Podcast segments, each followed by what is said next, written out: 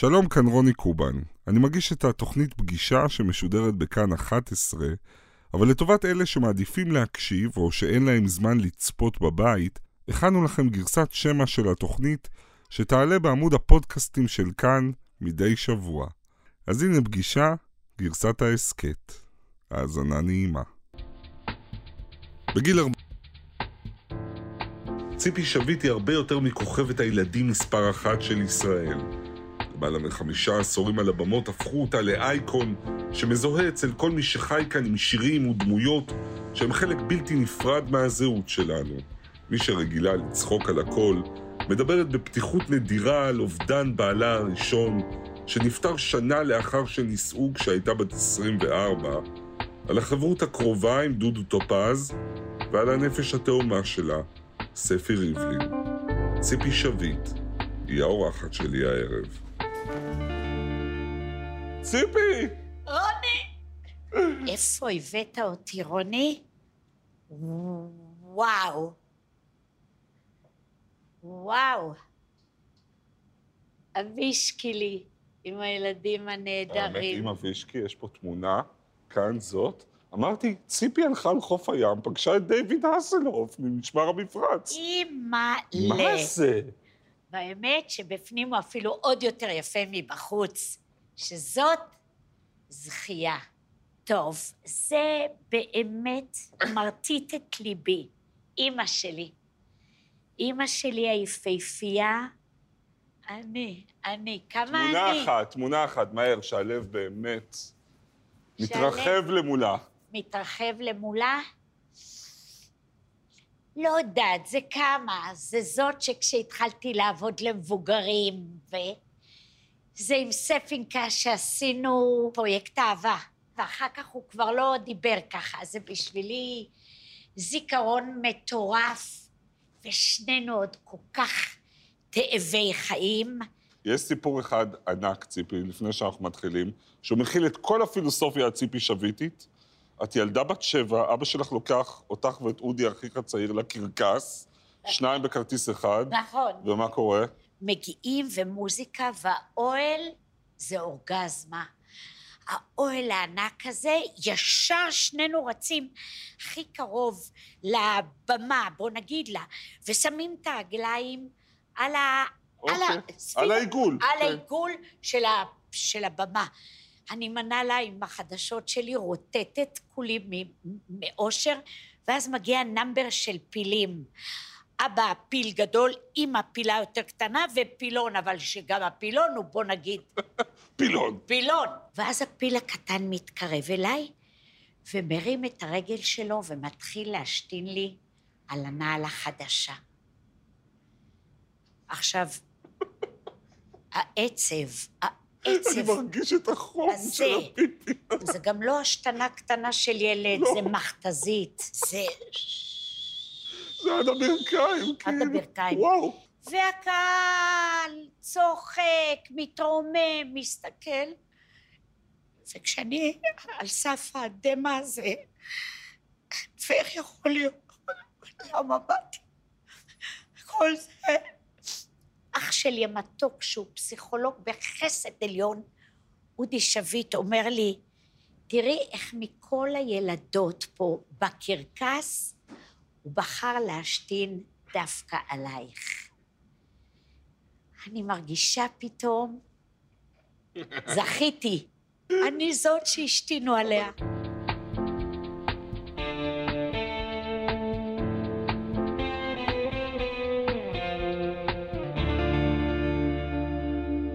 שלום לציפי שביט. שלום לך, רוני קובן. שחקנית, קומיקאית ענקית, זמרת וסטנדאפיסטית, כוכבת הילדים מספר אחת של ישראל.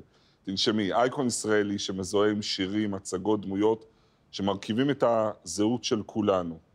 מכולם הלכו לג'מבו, ציפי טפו, ציפי ללא הפסקה. אוי, אני זוכר את זה כילד בארבעה, במר אפצ'ר. הייתי הילד הכי קטן בכיתה, לאחרונה תפקיד ראשי של ראש ארגון פשע קווקזי בסדרת הדרמה המדובב, ותפקיד ראשון בתיאטרון לצידה של ליאורה ריבלין, בשלאגר צניחה חופשית.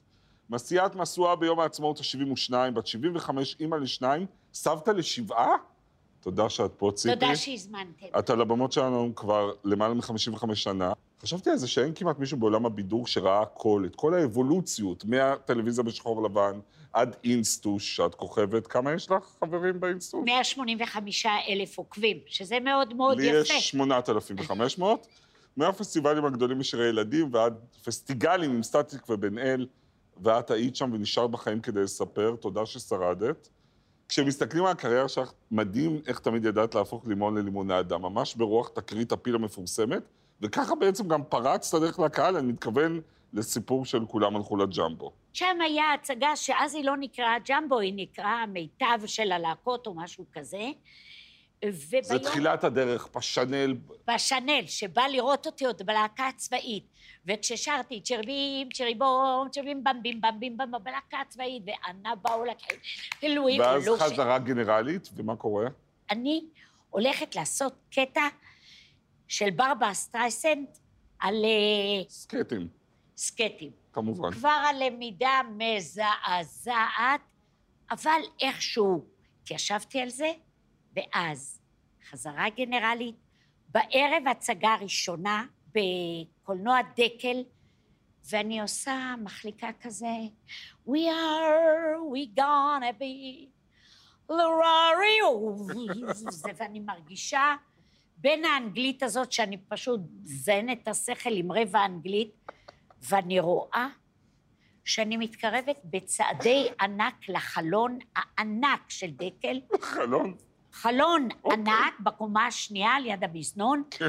ואני הולכת להזדפת, באמת כמו קקי על כביש, על כל הכביש הולך עכשיו כבר. למדתי באמת קצת להחליק וכל זה, אוקיי. אבל בלי לעצור. את העצירה לא למדתי. ואני רואה את זה ואני אומרת, זהו, את נהרגת. איזה חמודה, כמה הספקת המון. ואת איננה, את היסטוריה. אוקיי. אני מתיישבת על הרגל שלי בשביל לעצור, וכבר אני יודעת ששברתי. הכאב הוא בלתי נסבל, ואז פתאום מגיע אחד הרקדנים ואומר, יואו, המון פעמים זה קרה לי, זה, זה כלום, ממש כלום, בואי אני אחבר לך.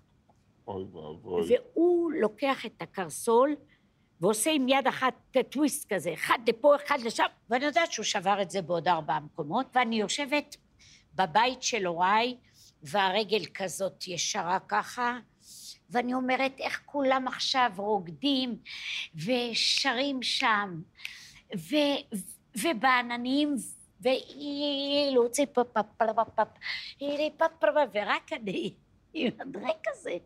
ראשית הייתי די בדיכאון היסטרי, רק דיכאון היסטרי אצלי זה, זה גם לא כזה, אתה יודע, איך אבל זה נראה? בוא-. רגע, בואי נתעכב על זה דיכאון אצל ציפי שביט, איך זה נראה? הבוקר שבאתי אליך, עכשיו אני בדיכאון. לא, אבל היה פעם משבר? היה? משברי דיכאון לא היו לי? פסיכולוג היית? לא. לא היית אף פעם? אף ספר פעם? את הכל לאבישי, זה שהוא לא מקשיב זה לא משנה. אוקיי. אבל יש לי חבר לחיים. מישהו שמכיר אותך סיפר לי עלייך, שכל פעם שאת קצת עצובה או מתכנסת בתוך עצמך, את מעדיפה להישאר בבית, את לא יוצאת החוצה. כן, זה קורה מעט, ואני מעדיפה להיות בבית, למה? כי הציפייה היא עצומה, והחברים הם עצומים. זאת אומרת, וכל- אנשים ברחוב מצפים הרי שתהיי מוכרחים להיות שמח. ממש. אז קודם כל, רוב הזמן אני, אני, אני שמחה, אני מחויבת לדבר הזה. אבל זה לא נורא מעייף יכול להיות? זה כבר לא נורא מעייף. אני לא יודעת אם קודם נולדתי שמחה, ואז עכשיו אני מתחזקת. מה נולד קודם, הפרסונה או הבן אדם? אבא שלי אמר משפט נהדר, שקהל זה כמו שמיכת פוך בחורף. וחמש דקות ראשונות אתה מחמם את השמיכה, ואחרי זה כבר כל הלילה היא מחזירה לך. מקסים. וכשאני עולה לקהל, אני אומרת, הנה, זה החמש דקות האלה. אני כבר לא צריכה לעשות אותם חמש דקות, כי אני שלהם והם שלי, וזה הרבה למעלה מרומן. זה חתונה, זה חתונה, זה ילדים וזה ג'מבו, זה ברבאבא, וזה דרושה עוזרת, זה הכל. אז חוזרים לג'מבו. אז חוזרים לג'מבו, ואני יושבת בבית של הוריי, ואני מדליקה טרנזיסטור, לאבא שלי היה טרנזיסטור. פתאום אני שומעת איזה ילד איטלקי קטן שר, איווירי מירי טנגו, טנגו, טנגו, איכו אמורי טנגו, טנגו דה גברי גברי.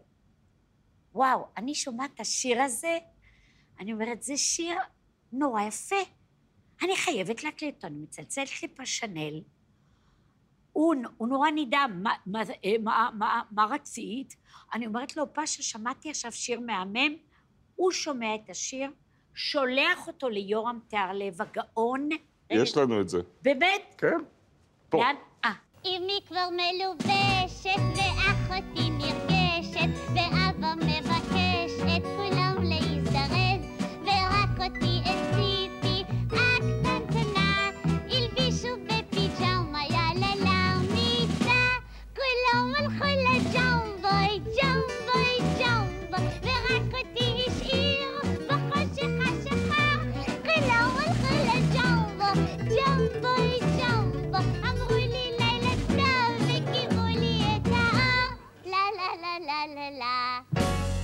מרגישה שלא השתניתי. לא השתנה. לא, משהו בעיניים האלה, משהו בתאווה הזאת, ולהגיד עצוב עצוב אבל יאללה. אבל אז בהתח... בהתחלה מול מבוגרים, היו בטח רגעים בהתחלה שכן צחקו עלייך.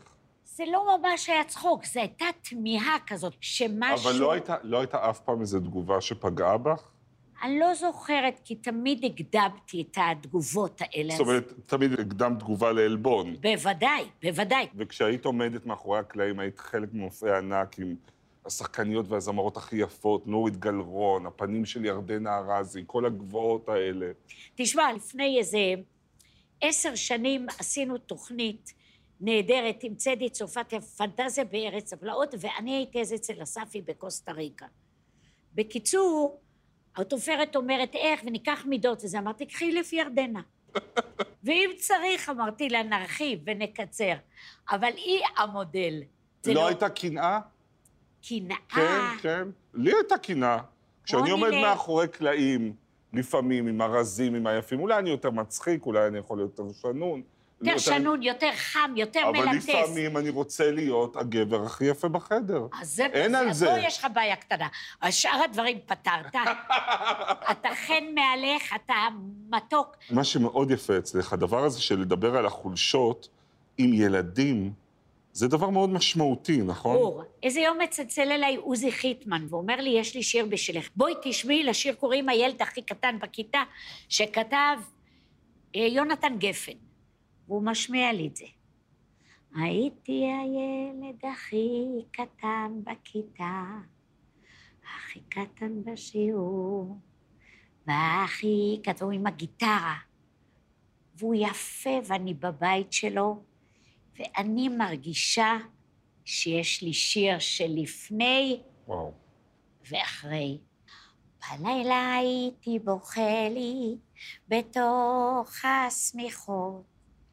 אלוהים תעשה שלא יסתירו לי ושאוכל לראות. אני חושב שמישהו למעלה שמע את הדברים, כי עכשיו אני גם בן שבע וגם מטר ועשרים. עכשיו כבר שרתי את השיר, כבר הייתי מאוהבת בו טוטאלית. הוא נשמע לי שהוא שלי, שהוא בשבילי, שזכיתי. אבל איך אני אשאיר אותו לילדים שרגילים רק למי שטוב ושמח, כפיף? ואז אמרתי, אני אדבר איתם על הדברים האלה. אין ילד שלא קצת כואב לו, קצת דואב, קצת מתבייש, קצת... ובלי לחשוב הרבה, עליתי על הבמה ואמרתי, יש פה ילדים שמרגישים נמוכים? ירימו יד. מי מרגיש שהוא הכי קטן בכיתה? מי מרגיש דווקא שהוא הכי גבוה? מי מרגיש שהוא מדבר לצד, והוא רוצה להגיד משהו, ויוצא לו רק הדבר הזה, ותמצא לו. תכף אני בוכה וצוחק ביחד, אוקיי. תכף נגיע לזה. למי יש רש? שאומר, "אה, אני לא רוצה ולא לא. מצביעים. אני אומרת, משקפופרים, מה עם שמנמנים? שמנמנים, היו? מצביעים. בטח. ברור, ילדים. אין ילד שלא אוהב מתוק, אין ילד עם גנים כמו שלי שלא, אתה יודע, יצטרך או גלידה, או אצל אבישע זה או גלידה או תפוח עץ, אז מה ילד ייקח? ואז אני אומרת, ומהרגע כשאני הולכת לשיר לכם את השיר הזה, ויהיה עצוב, ישים ראש על אימא, ויבין שהוא נהדר, שאין רזרבה מאף ילד, שזה החיים, שאני גם נמוכה, גם זה הקול שלי, גם שמנמנה, גם השיער הזה המקורזל, גם הפטרוזיליה הזאת, גם הכל באישה ילדה אחת. אתם איתי? התחלתי לשיר את זה, ממש מתרגשת אפילו היום, כי היום זה... אז, היום גם ילדים אז, מדברים על הכל ורואים סרטים על הכל. לסיום החלק הזה, שאני זוכר את עצמי ילד בקולנוע רודע ברמת גן. אוקיי. Okay. ואת באה להופיע. אוקיי. Okay. ושואלת את הילדים מפה ומשם, ואני מתבייש, אז לא הצבעתי. והיית אז כבר שמנמן? קצת, שמנמני. אבל מה שהכי הרגשתי, שאני נורא רוצה לחבק אותך. בוא נעשה את זה עכשיו. יאללה, עכשיו. בוא. כן? אני אעמוד או אשב בחיבוק? מה שאתה רוצה, אתה יודע, טפטף את הרגל.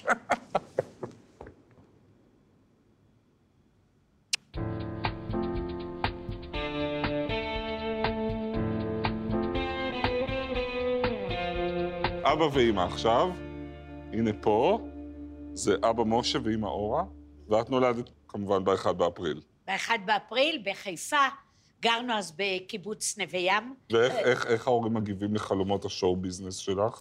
זה לא היה זה לכן משהו... לכן אני כל כך מעריצה אותו, את שחקנית. אבא שלי. למה, מה הוא אמר? הוא אמר, תעשי את מה שאת אוהבת. החיים הם לא, הם, הם, אתה לא יודע כמה, וכמה זמן, ועד לאן, וכמה אתה חי. ואתה חייב את הזמן הזה לנצל ולעשות איתו את הדבר הכי טוב שיגרום לך הכי הרבה אושר. עכשיו, הייתי תלמידה... לא, אתה יודע, אני נזכרת עכשיו, ופתאום אני חושבת על המורות שלי שתלו את עצמן על עץ, כאילו ש... אי אפשר להאמין כמה שזה לא עניין אותי, כמה שרציתי לדבר, כמה שרציתי כבר רק לרקוד ולשיר. והוא אמר לי, יבוא רגע שהדבר הזה, זה יהיה המקצוע שלך, זה שאת כל כך... הייתי אומרת לו, ואם אני ארצה, ואם אני ארצה, כל דבר. אז הוא היה אומר לי, לא צריך לרצות כל כך הרבה, מה שיש פה, זה טוב לו כל הזמן. בגיל 22 את כוכבת מוכרת, בוגרת להקה צבאית, ואז לגמרי במקרה את פוגשת חייל שמתחיל איתך. נכון. פגשתי חייל מאוד מאוד מאוד נחמד, ו... הוא אמר לי, אני עושה לך בהופעה, אני אעשה לך את הסאונד. עכשיו, כשהוא ישב, הוא היה נראה לי בסדר, אבל כשהוא קם, בכלל אמרתי, וואו, ריצ'רד גיר בא לקחת אותי להופעה. ואחרי איזה חודשיים, יש לי הצגה, הקוקו והשרפן אצל מרים עציוני, ואני אומרת לו, בוא, ותהיה איתי. והוא מגיע, והייתה תזמורת אז, שהיו מנגנים שירים איטלקיים אולי בשרתון, והוא מתחיל שיר איל מונדו, טרי דה נה נה נה נה נה טרירה-נה-נה-נה. זה סלואו אמור להיות? אוקיי. זה סלואו, אוקיי. כן, זה סלואו. אז זה כזה, זה איל מונדו כזה? איל מונדו. אני מדמה את ריצ'רד גיר, צופני כאלה. לא, לא, אז אתה רואה אוקיי. שכבר התחזקת ממני, וכבר יש לך את הביטחון הזה. וכבר אתה מרגיש שאתה בדרך לשם. אוקיי. ואני אומרת, אף אחד לא רקד איתי ככה מעולם. וואו. זה הכי מלטף, הכי מחבק. כבר בראש אני אומרת, מה יהיה פה? איך, איך הילדה הזאת, שזה, ודוחה, ועושה, ורוקדת, והכול, ויהיה בסדר, על דבר כזה רציני. לא אכנס לכל הפרטים, אחרי שלוש שנים הוא היה בעלי. וואו. לזמן קצר, לשנה. זהו, ועל זה רציתי לשאול, כי אחרי שנה את בת 24 ומגלים למושיק סרטן. נכון. אה, הולכים לבית חולים, כולם חושבים שזה איזה סוג של צהבת, ולאט לאט התחיל להיות ברור שזה השתלת מח עצם, תהליך שלא עשו אותו עוד אז בארץ. אנחנו נוסעים ללוס אנג'לס לעבור את זה. וואו. אה, הוא ואני ואימא שלו ואח שלו שתורם לו. אנחנו לא מדברים טוב אנגלית, הכל בלילה, הכל עם מישהו מאוד חולה, מאוד יפה, שבעצם אם היית אומר לי בערך מילון להגדיר חיים, הייתי אומרת מוישיק. יואו. ועכשיו הוא מאוד מאוד חולה. טוב, זהו, גם אי אפשר להיכנס לזה, זה היה חודש נוראי, חודש נוראי, וחזרנו, יואו, הוא- אני, אני רואה שעד עכשיו זה... ואני, הוא בארון, ואני, ו... וזהו, וכאילו, מה עושים מחר בבוקר? כל כך צעירה ואלמנה. כל כך צעירה, במקצוע שמחייב להיות כל כך עליז, כל כך נותן. איך בכלל ממשיכים מפה? זה, זה, זה נתן איזה ספקות בתפיסת העולם הכל כך חזקה והאופטימית שלה? כן, כן? כן, זה עשה איזה פחד גדול. עד אז, מוות בכלל זה לא משהו שחשבתי עליו, שהוא בכלל לא היה בארסנל איך, שלי. איך, אני יודע שלקחת הפסקה לכמה חודשים. נכון. ואיך חזרת לבמה?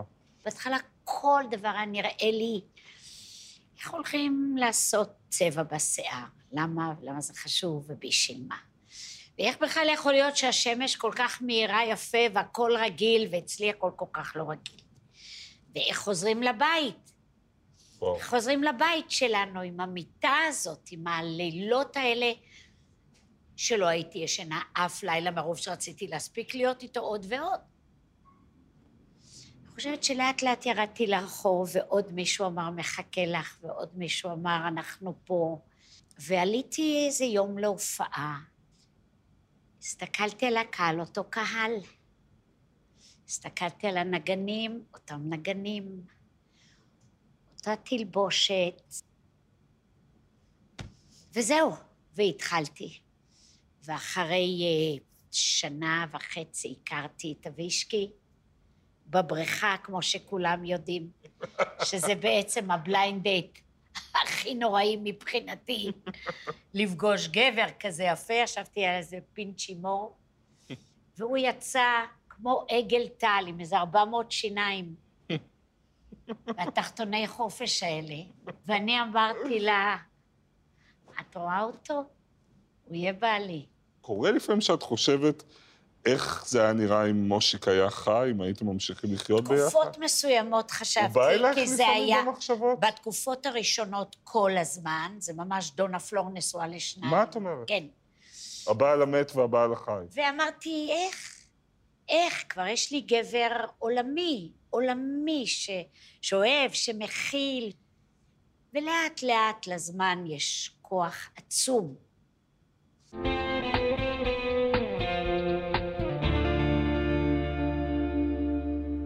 אני רוצה שנדבר שנייה אה, על הרגע שאולי הכי נצפה בתולדות הטלוויזיה הישראלית. זה דודו טופז והחייזרים, 47 אחוז רייטינג. אין איך- דברים כאלה איך יותר. אה? בכלל דודו טופז מגיע לשכנע אותך לעשות את זה? הוא אפילו לא היה צריך לשכנע, היינו מאוד מאוד בחברות, היינו חברים נורא טובים, ויום אחד הוא מצלצל אליי, הוא אומר לי, תשמעי, אני כבר הכנתי בכמה תוכניות את הדבר הזה, שעוד מעט יבוא חייזר. אמרתי לו, נו. הוא אומר, תשמעי, אני יושב ואני חושב, איזה נהדר זה יהיה, שאת תבואי כחייזר. אמרתי לו, אני? כחייזר? צריכה להיות דומה לחייזר, זה אבטר. הלבישו אותי בדבר הזה, וחשבתי גם שאף אחד לא יראה את זה, שזה יראה להם הכי הזוי, הכי מוטרף, הכי דבילי. ו-47 אחוז רייטינג, בטח ביום שאחרי את לא יכולה לצאת לרחוב, אבל כשדודו התחיל לרדת מגדולתו, ופתאום לא רצו אותו, לקח ניסית... לי הרבה זמן לראות את זה, והאמת, האמת שחשבתי שזה דבר שחולף, כי הייתה לו עוד פגישה ועוד פגישה, וכל פעם על יד זה הייתה איזו תחושה שהנה מתחיל משהו אבל כזה. שמעת את אז- התסכול שלו אז? כן, בוודאי. מה הוא היה אומר לך? הוא השתגע, הוא לא הבין, הוא לא יכול היה להבין מה, מה קורה פה. הרי זה נשאר? אותו דודו. אני חשבתי שאם יש לך כל כך הרבה, אז מה אכפת לך אם יש לך טיפה פחות? אני חושבת שאם נגעת בכאלה פסגות, אך טבעי הוא. גם, גם, לא יודע, גם, גם, גם סטיבה לא יהיה עכשיו הלך בחלל עד סוף חייו. הלך, ביקר, נהנה, השתגע, חוזר. יש אבל מה שמאוד מעניין ברגע הזה, שפתאום את גם ממולכדת, כי האיש שהיה הכי אהוב הופך לאויב העם, מישהו כץ. אבל מצד שני, הוא, ובתעשייה אין, מה, הוא עושה דברים איומים, לאביניר, לשירה מרגלית, בועז בן ציון, אבל מצד שני הוא חבר. אז זה גם מבחן של חברות, ואת את, את מתלבטת מה אני עושה? כן, אני זה רוצה... היה מאוד מאוד קשה, ואני מתלבט גם עכשיו, ולכן לא נוסיף לדבר על זה כל כך הרבה, כי אם הצלחתי לברוח אז לא באתי אליך ליפול. אה, ובגדול, זאת הייתה התלבטות מאוד מאוד קשה של דודו החבר, שנוסעים איתו ומבלים איתו, לעומת מה שהוא עשה, שזה עצוב, קשה, נוראי. אני מניחה שלהיום המון אנשים יש את ההתלבטויות האלה. אני אשאל איזה שאלה אחת אחרונה. מתי דיברתם בפעם האחרונה? ניסית ליצור איתו קשר? יום עכשיו? לפני שהוא נתפס. ולא רצית לבקר אותו? וזה שימח. בכלא? בכלא אי אפשר היה. אבל רצית. כן. נעבור לעוד חבר שלך. אוקיי? בואי נראה קטע במופע הצדעה לספי, ואיך את מדברת על- אליו שם על הבמה. ספקלה שלי, תראה אותו. איפה אנחנו לא הופענו? פעם הופענו על טנק בחירבת אל-זמבם לפני חייל אחד, עולה חדש מרוסיה, שלא מדבר מילה אחת בעברית. העיקר להופיע כי זאת המהות שלנו, ושני הצלילים שאנחנו הכי אוהבים בעולם זה צחוק של קהל והגרפס של הנכדים שלנו. ספקלה שלי, אנחנו עשינו דרך ארוכה ארוכה ומענגת יחד, ובשנים האחרונות זה לא סוד שספקי התמודד מול דבר מאוד לא פשוט, ואז גיליתי, ספקי, שמעבר לכל התכונות שדיברתי עליהן, אתה גיבור גדול, ואני גאה להיות חברה של גיבור גדול גדול גדול. אני מחכה לך עכשיו בחדר החזרות. אני מבטיחה לא להוציא הגה, רק לחבק, רק לנשק.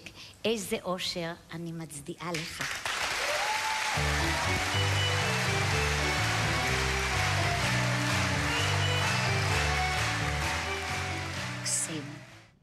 האמת, אני זוכרת את הקטע הזה ממש כאילו הוא קרה אתמול, למרות שזה כבר הרבה שנים. הוא חזר מהניתוח הזה, והפעם הייתה תחושה שהוא ממש, ממש בריא. ו... ועשו לו את הערב הזה, ואתה רואה כמה הוא יפה פה וחיוני עם החולצה הזאת, הכחולה, שהוא תמיד לבש בגלל עיניו היפהפיות. את קראת לו פעם חבר הנפש שלי. הוא באמת חבר נפש. כי נסענו כל כך הרבה יחד. עשינו לפי דעתי אלף או אלף ומאה הצגות, מופעים. היינו נוסעים לך לקריית שמונה או לכרמיאל, נוסעים, מדברים, מדברים, מדברים, עוצרים להוריד אותי, מדברים, מדברים, שהנהג היה אומר, רבאק, למה אתם לא נפרדים? מחר נפגשים עוד פעם. יש לי אישה, יש לי ילדים. אולי אני רוצה הלילה לעשות עוד ילד, קומו וצאו כבר. ואנחנו עוד ועוד, ואז לוקחים אותו חזרה הביתה, ולפעמים אחרי שהיה מגיע בית, לא, עד שלא הייתה נגמרת הבטריה. אני יודע שבטלפון שלך יש תמונה מקסימה של ספי בבית חולים, שהוא לא יכל לדבר, והוא מחזיק שלט שכתוב עליו, אני מת עלייך, כן. כן, לא, אני עברתי איתו רגעים, אני ראיתי אותו כמעט יום-יום. אבל מעניין- אותי בדינמיקה הזאת, שנגיד השנה האחרונה, החודשים האחרונים, שאת הרבה עם ספי, אה, אם מדברים גם על המציאות, על זה שפתאום זה נראה לא משהו, על זה ש... יכולתם... לא נורא נכנסים אני, אני, לזה. אומר, אני, אני בעצם שואל, מה עושים שני ליצנים ברגעים שהם כל כך עצובים? אה, לי היה מאוד מאוד עצוב, הייתי נוסעת לשם עם ששון גבאי תמיד, ואילן רונן, כדי שנהיה יחד. ואיזה פעם ישבתי לידו, פתאום הוא אמר לי, אני תשוש. המילה תשוש וספי, יש גם סיפור על הופעה באופה ה' משהו, שהיית צריכה להחליף בגדים, והוא היה צריך אה, להסתיר אותך, את זוכרת את זה?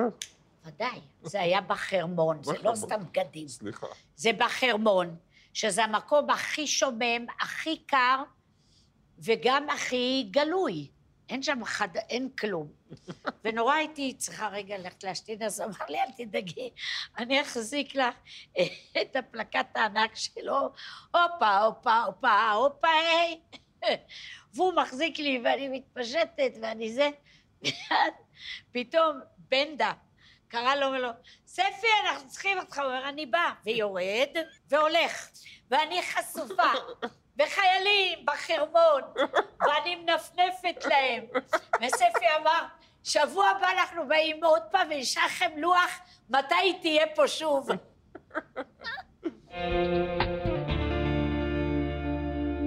תאמיני או לא, אנחנו לקראת סיום. לא, לא, זה לא יכול להיות, רק התחלנו. תגידי, כשאומרים לך ברחוב, את לא יודעת איך גדלתי עלייך? לפעמים, רוב הזמן זה מקסים, אלא אם כן אומר לי את זה, אתה יודע, קברניט של הטיטניק, וזה גם קורה. וציפי, ויש את הפחד שלפ... שיום אחד תהיי פחות רלוונטית? כן, יש את הפחד הזה, אם כי עשיתי עכשיו טיק טוק שאני מרדדת בצק. אז זה קיבל מיליון חנוכה- צפיות. כל- אז מיליון מיליון צפיות. צפיות? מה? מיליון צפיות. כל חנוכה את אומרת, ייקחו אותי, לא ייקחו אותי? יש את זה? אז עכשיו כבר נורא רוצים אותי גם לפסטיגל וגם למותק, ואני צריכה לחשוב, אם בא לי, אתה יודע, כבר... זה כל כך קשה, זה עוד... אפילו אם זה יהיה נהדר. וכל בחירה היא בעצם עניין פילוסופי. אם אני אעשה את זה, אני מחמיצה את ההוא. אולי אני אעשה את זה, וזאת תהיה פעם אחרונה, אולי כבר לא ירצו אותי כל כך, אולי הם נותנים לי מתנה מטורפת. אבל מבחינתך, להיות על במה עד הסוף? עד הסוף. בוודאי, מי לא רוצה לעשות משהו עד הסוף אם זה דבר טוב? עכשיו, לא, אתה יודע, עודרת בקמצ'טקה. אני מופיעה על במה, בקמצצקה. לשמחתי, בהצלחה, ואימא, אני רואה את השלט הזה, סולד אאוט על כרטיסים. ואם היה סידור כזה, שאבא שלך יכול לחזור לשעה אחת לכבוד יום הולדת 75, הוא בא לשעה, מבקר. הלוואי. לאן היית לוקחת אותו? מה היית אומרת לו? קודם כל, תודה ענקית, כל מה שאני זה בזכותך. אחר כך תמשך את זה אח שלי אודי, וגם כל מי שלידי אני אוספת. וגם הייתי מספרת את הסיפור הנהדר שהוא סיפר לי פעם. הוא סיפר לי שכשהוא היה בן שמונה, כל שנה הוא היה נוסע מלודג' לוורשה לבקר את הסבא והסבתא שלו עם ההורים שלו. הוא אומר, וכשהייתי בערך בן שמונה, רציתי לנסוע אליהם לבד, וההורים מאוד מאוד לא רצו ומאוד פחדו, וילד פולני מותקף, עטוף, מתוק, אהוב. אבל שכנעתי אותם ועליתי לרכבת לבד, ולפני שעליתי, אבא שלי שם לי סנדוויצ'ים ופתק בכיס, והוא אמר, תפתח אותו רק בסוף הנסיעה. לאט לאט נהיה קריר, והקרון נמלא באנשים שאני לא מכיר. ואז הגיע הכרטיסן, ושאל למה שלחו ילד לבד. פתאום הרגשתי שעשיתי טעות נורא נורא נורא גדולה, והייתי עצוב ומבוהל. ואז נזכרתי בפתק הזה של אבא שלי. הוצאתי את הפתק הזה, ועליו היה כתוב, אני בקרון האחרון. וכשהוא היה מספר לי את זה, הוא היה אומר לי, ציפקי, אני בקרון האחרון הזה בשלך לנצח. הייתי אומרת לו שיש לי שבעה נכדים, שהם העורק, עורק חיי, ממש, לא פחות. הייתי אומרת לו שאני, שכל כך אוהבת שינויים, נמצאת עם אותו גבר כל כך הרבה שנים, והייתי אומרת לו ולאימא שלי, תודה רבה על כל דקה של חיים יפהפיים שנתתם לי. ציפי שביט, זהו, זה נגמר. קשה להסביר באמת איזה עונג היה לי, היה מדהים. תודה רבה. תודה רבה רבה רבה שבאת.